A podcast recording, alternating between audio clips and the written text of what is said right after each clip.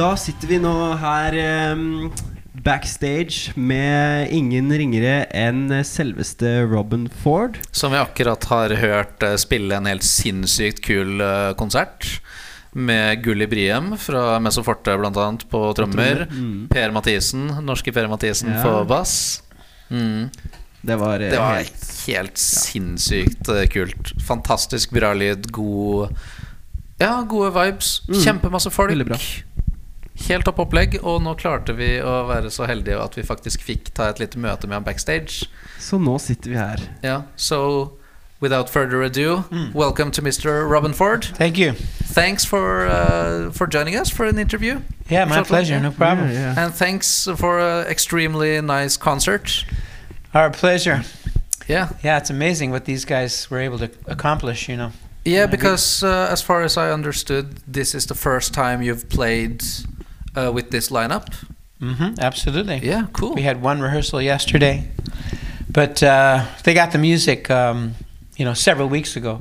Yeah. So they were able to, you know, kind of dial it in on their own at Yeah, home, yeah, and they just killed it. You know, they really did. You had a great chemistry on stage. Yeah. Yeah, it looks. Uh, yeah, it's, it seemed like you all had fun.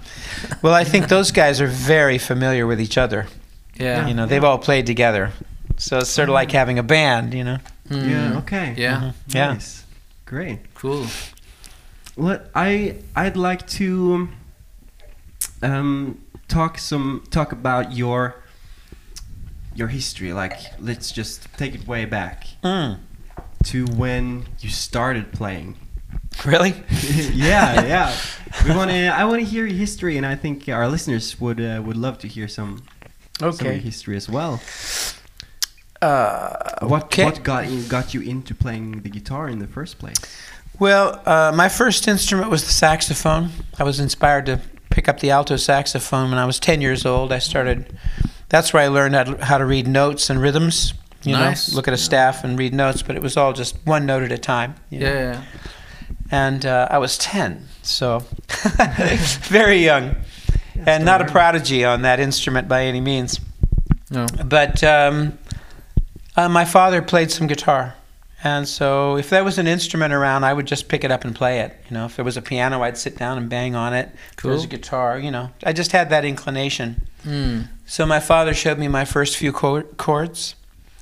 And uh, I had a little band, you know, with my junior high school friends. Mm. And uh, I heard uh, this record by the Paul Butterfield Blues Band, uh, a Chicago blues band. It was an integrated band, you know, like half the band was black, half the band was white. And the lead guitar player was Mike Bloomfield.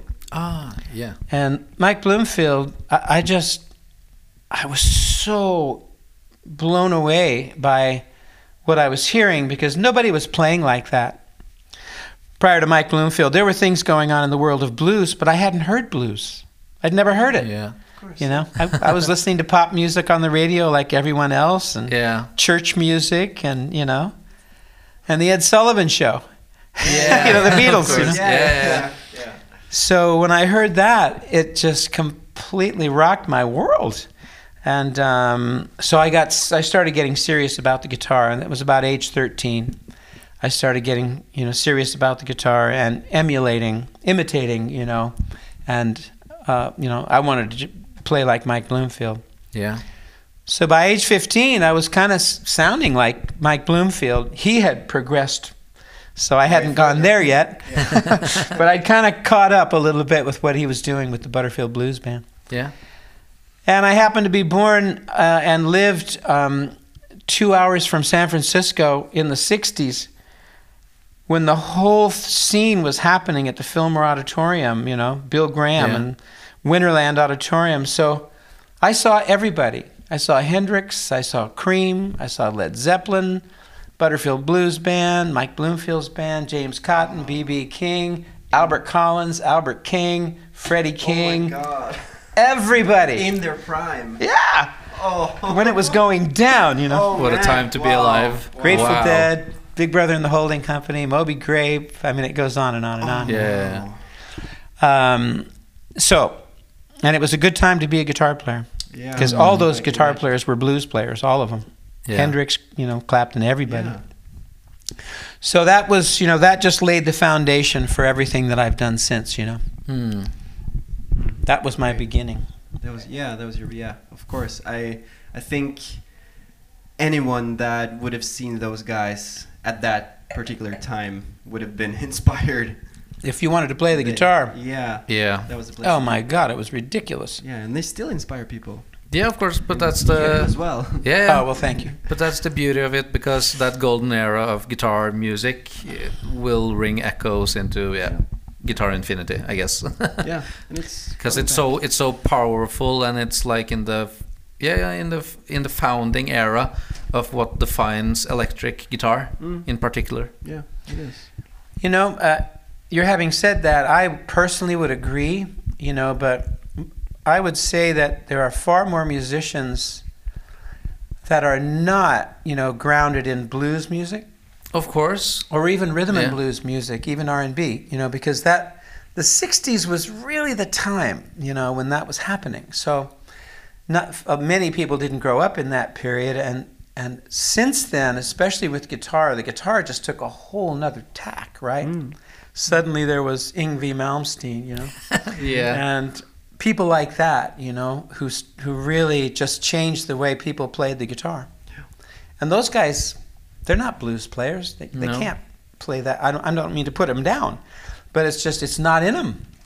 no, And so it's kind of interesting that way. I uh, But because I feel yeah. exactly as you said, you know, yeah, how it- foundational it is. But it's not for a lot of people. It's not. Yeah. They've never even heard it. Yeah, Oh, Someone's knocking at the door. Is that our door? yeah. I Two seconds. So. Should we let them in? Let's see it.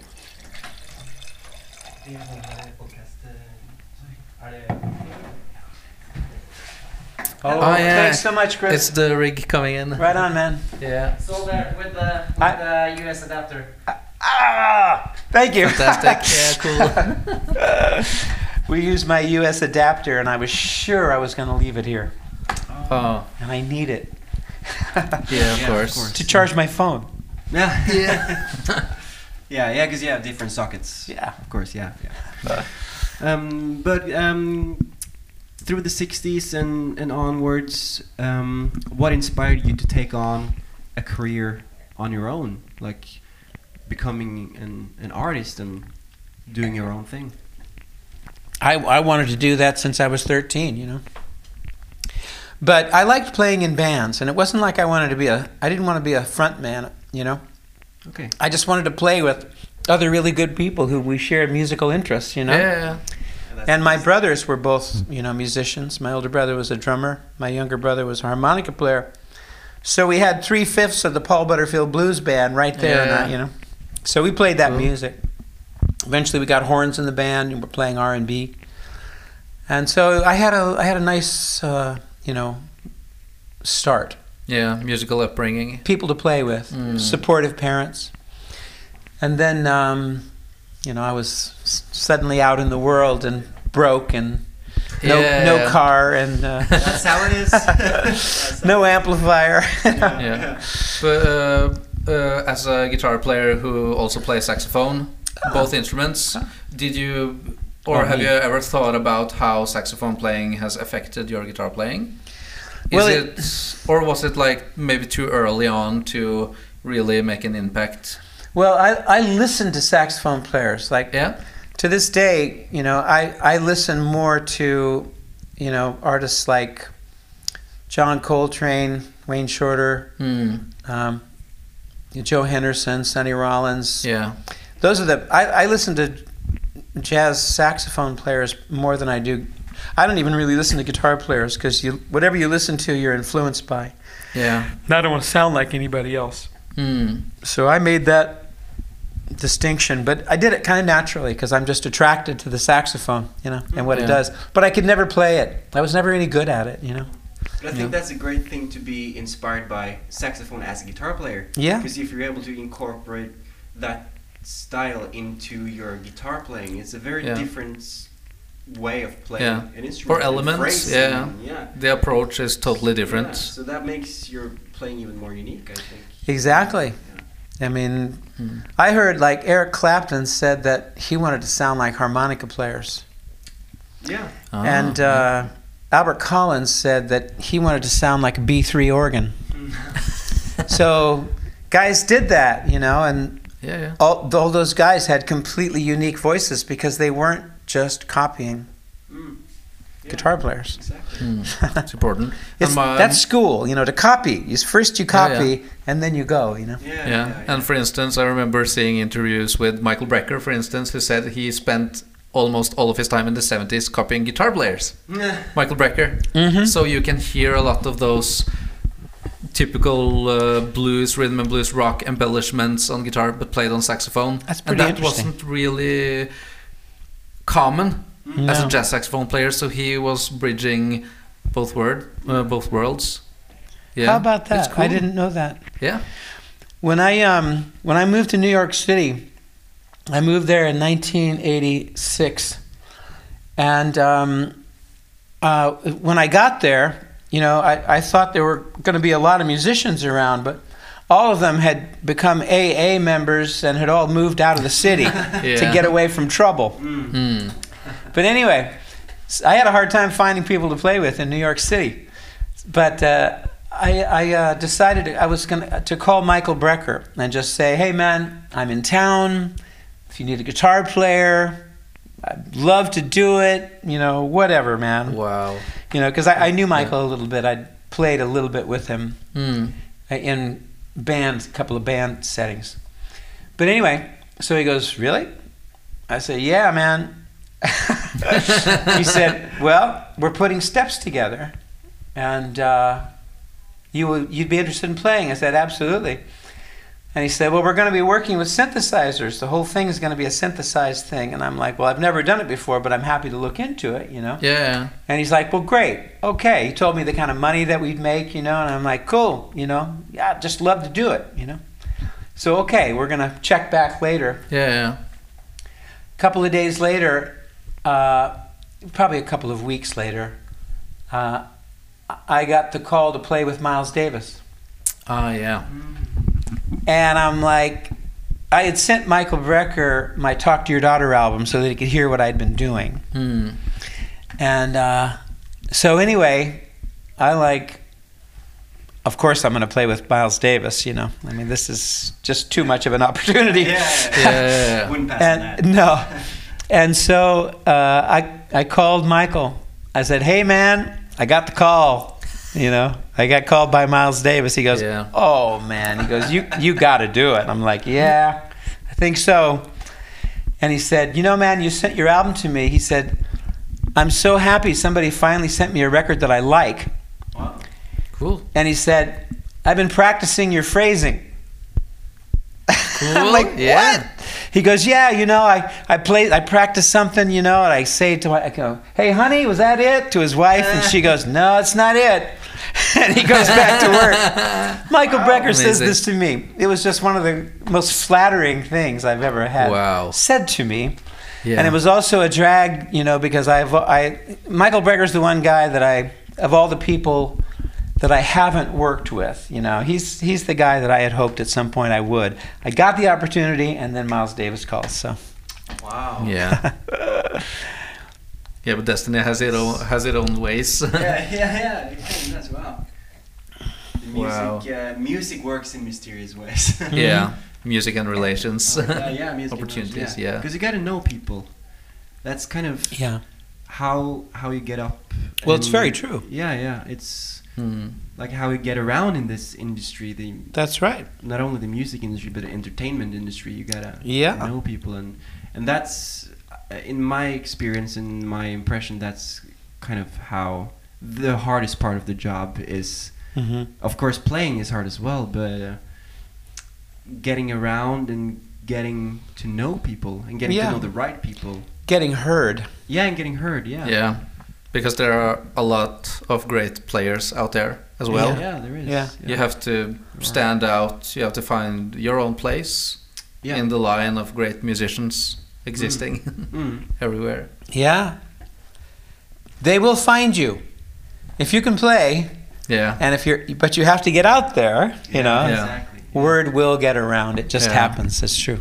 Yeah. But for instance, with Miles Davis gig, Yeah. how did you get it? Did you know any of the members from before, or did Miles just happen to know about your work and? Well, um, the the record producer Tommy LiPuma was producing Miles's album at the time, which was Tutu. Yeah. Miles's first album with Warner Brothers, you know, having Mm. left Columbia. So it was a real big change for Miles. And Tommy had uh, produced um, the Yellowjackets. Yeah, which you also played When I, was, when I was in the band, yeah, Yeah. He, he signed the band to Warner Brothers Records. yeah. And uh, I was signed to Elektra, so I couldn't sign. I wasn't formally a Yellow Jacket. I was sort of like a guest, you know. Hmm. And uh, so Tommy, you know, he's producing the record, and Mike Stern had left. And so Miles asked Tommy, he said, Do you know anybody? And Tommy thought of me. Wow. So uh, he called Jimmy Haslip, the bassist for the Yellowjackets, to try Yeah. to, to find me because he didn't have my number. So Jimmy's the guy who called me up. He said, Hey, Robben, Miles Davis, Miles Davis wants to talk to you. I'm like, What? And uh, he gave me Tommy's number. I called Tommy, and uh, Tommy was like, "Yeah, man, you want to do it?" I'm like, "Well, yeah." of course. He goes, "Okay, I think Miles is at the studio. I'll give him a call and have him call you." And I'm like, "Okay." And three days go by, no Yeah. call, you know. And then one day the phone rings. My girlfriend answered the phone, and she goes, "Robben, it's Miles Davis." That's amazing. So I, she said I just turned beet red. You know, I'm like, holy shit. Robben, what you doing out there? He's like this, you know. yeah, yeah, I'm like, oh, nothing. You know, like you just you couldn't feel more corny. I'm you not know? doing Yeah. anything, Miles Oh, Davis. Nothing, man. and he goes, well, you want to play with me? I said, yeah. He goes, Yeah. okay, here's Jim. And he puts on his tour manager, and we went from there. You know. Wow. Wow. Oh, that must have been a great, great time of your life It was it was awesome. playing with him. And what a colossal giant of a musician. Yeah, wow. Miles Yeah. Davis' journey is a endless, uh, interesting topic of its own. I'm sure you Yeah. On every level. to him, uh, yeah, Oh yeah. ever since the bebop days. oh, everything. Yeah. I mean, I wasn't really listening to that music when in the fifties. No, no, of course, yeah, yeah. But in, it's still my favorite period of music ever in my lifetime is the is the '60s. I, I just can't beat it. I think in jazz, you know, I mean, everything opened up and and and reached its limit. I would say, like since the '60s, nothing's really gone beyond that. Nothing's gone past it. Michael Brecker for me, and and that the harmonic thing that they developed there, all of that came out of Coltrane. Hmm. But Michael, he had a different twist on it. So there are some different voices, but the harmony and everything, for me, it reached its zenith, you know, in the 60s. It's very Yeah. interesting. And this is one of the reasons why I chose to, uh, con- you know, kind of go back to my roots thing in blues Yeah, was because it's like, man, anything that I would want to do in jazz has already been done way better than I'll ever do it. But I felt like I had something to bring to a, a more blues and rhythm and blues setting, which was my jazz influence, you know? Yeah, yeah. So I'm playing blues music, rhythm and blues music, but other things happen in it. Chords, you know, different harmony happens in it yeah. a little more attention to the writing, you know, happens in it. So it makes me feel like I'm doing something, you know, personal, unique, adding, contributing. If I were trying to play jazz, you know, No. Yeah, that's but re- that's reinventing the wheel. yeah, yeah. yeah. Unless you're Kurt, Kurt Rosenwinkel. Yeah. That's of who my course. hats off to Kurt Rosenwinkel. Yeah. Also a monster player. He Check him out sure if you don't know about Kurt uh, Rosenwinkel. He's really great. Yeah, he's my he's my favorite since people like Jim Hall. Mm. Jim Hall. Eric Johnson, a real innovator.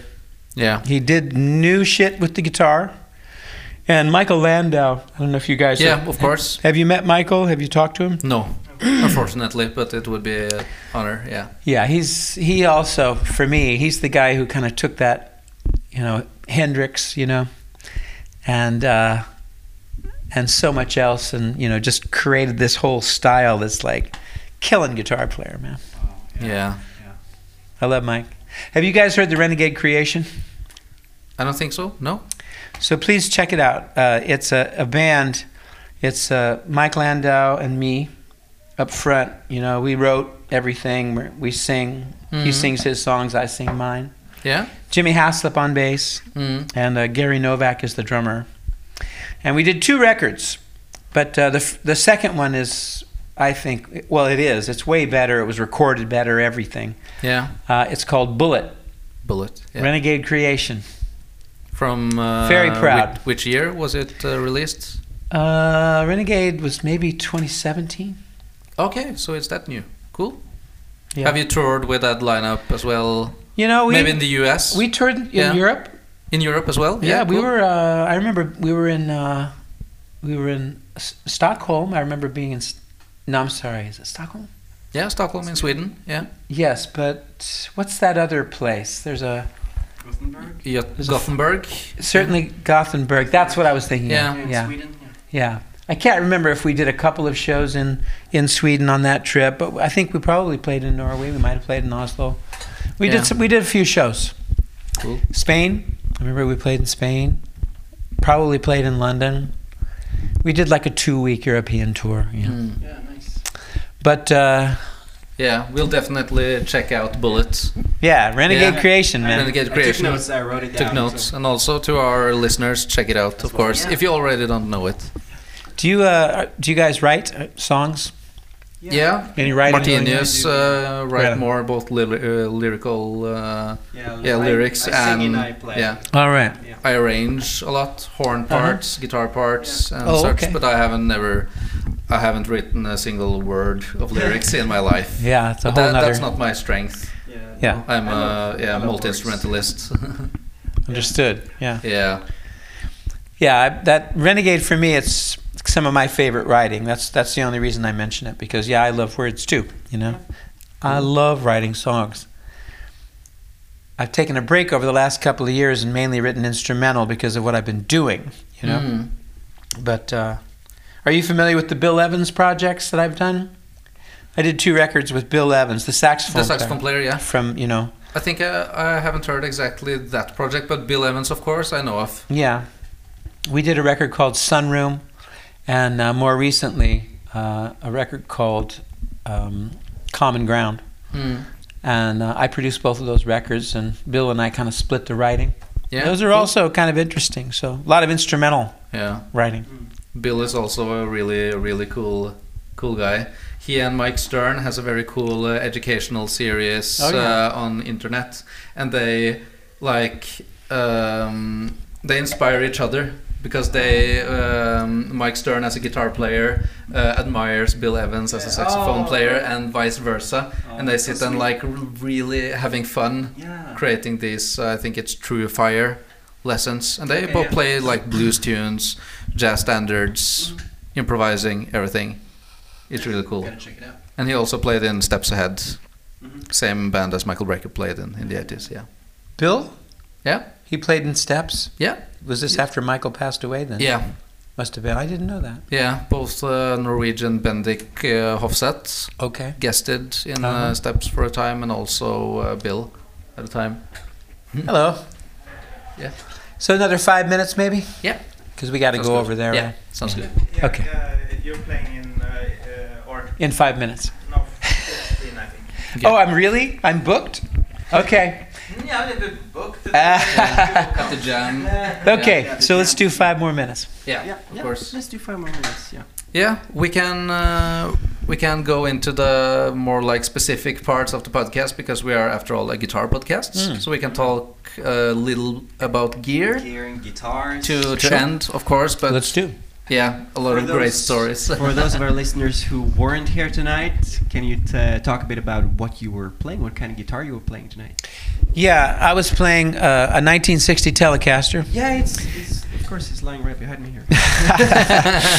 and um, I've had that guitar since about 1993. yeah, all original. Well, the uh, treble pickup has been rewound. Excuse me, the rhythm pickup Can I take Yeah. a picture of it? It was rewound. Yeah, It was rewound by Lindy Fralin. Mm. Uh, you know, other than that, um, I think I probably put new tuners on it, Yeah. And it, it's been refretted a couple of times. Yeah, of course. Uh, But after many shows and many Fundamentally, hours of it, playing. fundamentally, it is original, and um, it's been the best friend I ever had as a musical instrument, Mm. just for its versatility and Yeah. travelability. You know. Yeah, a Um, proper Telecaster knows how to take a beating, but Yeah. still being able to perform. Keep on ticking. Yeah, yeah, yeah. It's like Uh, the Swiss Army knife of electric guitars. That's right. Yeah, it's Yeah. beautiful. But uh, pedalboard, you know, I, I'm very limited in terms of my technology. I haven't I haven't gotten too deeply into it, but I use and highly recommend uh, the timeline delay. yeah, from Strymon. Yeah. Amazing sounding, yeah. Yeah. Super popular ever since it came out. Yeah. That is my favorite device uh, from that point of view. Mm. Uh, and uh, I, s- I have a Zendrive, my overdrive pedal, which I've been using. Yeah. This this one I've probably had it for at least 15 years, and I had one before that that was conveniently lost by somebody who worked for me, and I'm really angry with him because that was even a little better. But the one I have is good. yeah. Uh, so the Zendrive, who knows? Like, you know, all all pedals. Well, maybe not all pedals, but certainly something like that. You know, one is not necessarily the same as the other. So I, Yeah. I hesitate to recommend anything except the timeline, and Yeah. um, you know that that really and some kind of reverb. I prefer it in the amps. yeah. And you were using tonight, I think, a deluxe reverb. And, Well, yeah. and a Marshall stack, but that's Yeah, mm, well- that's maybe not what you're using uh, otherwise. No, I mean Oh. it's not. to put it that way. Yeah, I was, yeah. I was, I was using what I had to use, you know. yeah, yeah.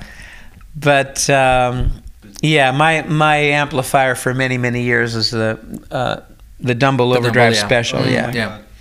and a two x twelve cabinet. Mm, So I've had that amp and used that amp since 1983.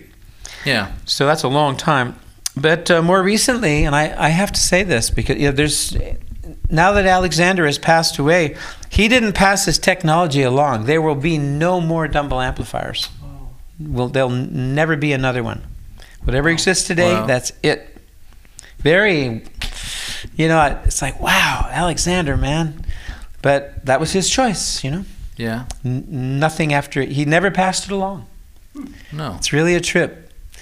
So, uh, more unique and precious than ever before. But um, my amp is quite loud. Uh, and I mean, I love it. I mean, but it's, it's generally too loud for a lot of situations. Yeah. So I went looking for something that I could get my volume down a little bit, that I felt could compete, you know, and I could still do what I do. Yeah.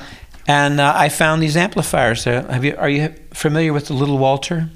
Mm, no. Don't think so. No. Yeah, Little, Little Walter.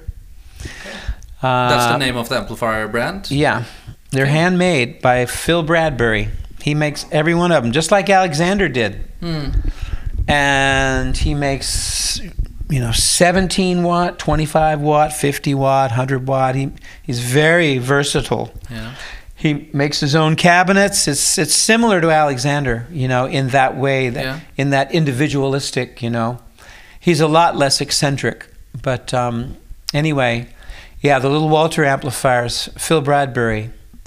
What kind of circuit or what kind of amp is it based on? If it if It would if- be- yeah Probably, It sounds like anything. yeah yeah, it's probably uh, he can do anything. So I think he does both, kind of a Fender fundamental and a Mm. Vox fundamental. He's Yeah. very versatile. But uh, you know, so he built for me, and you know, uh, it.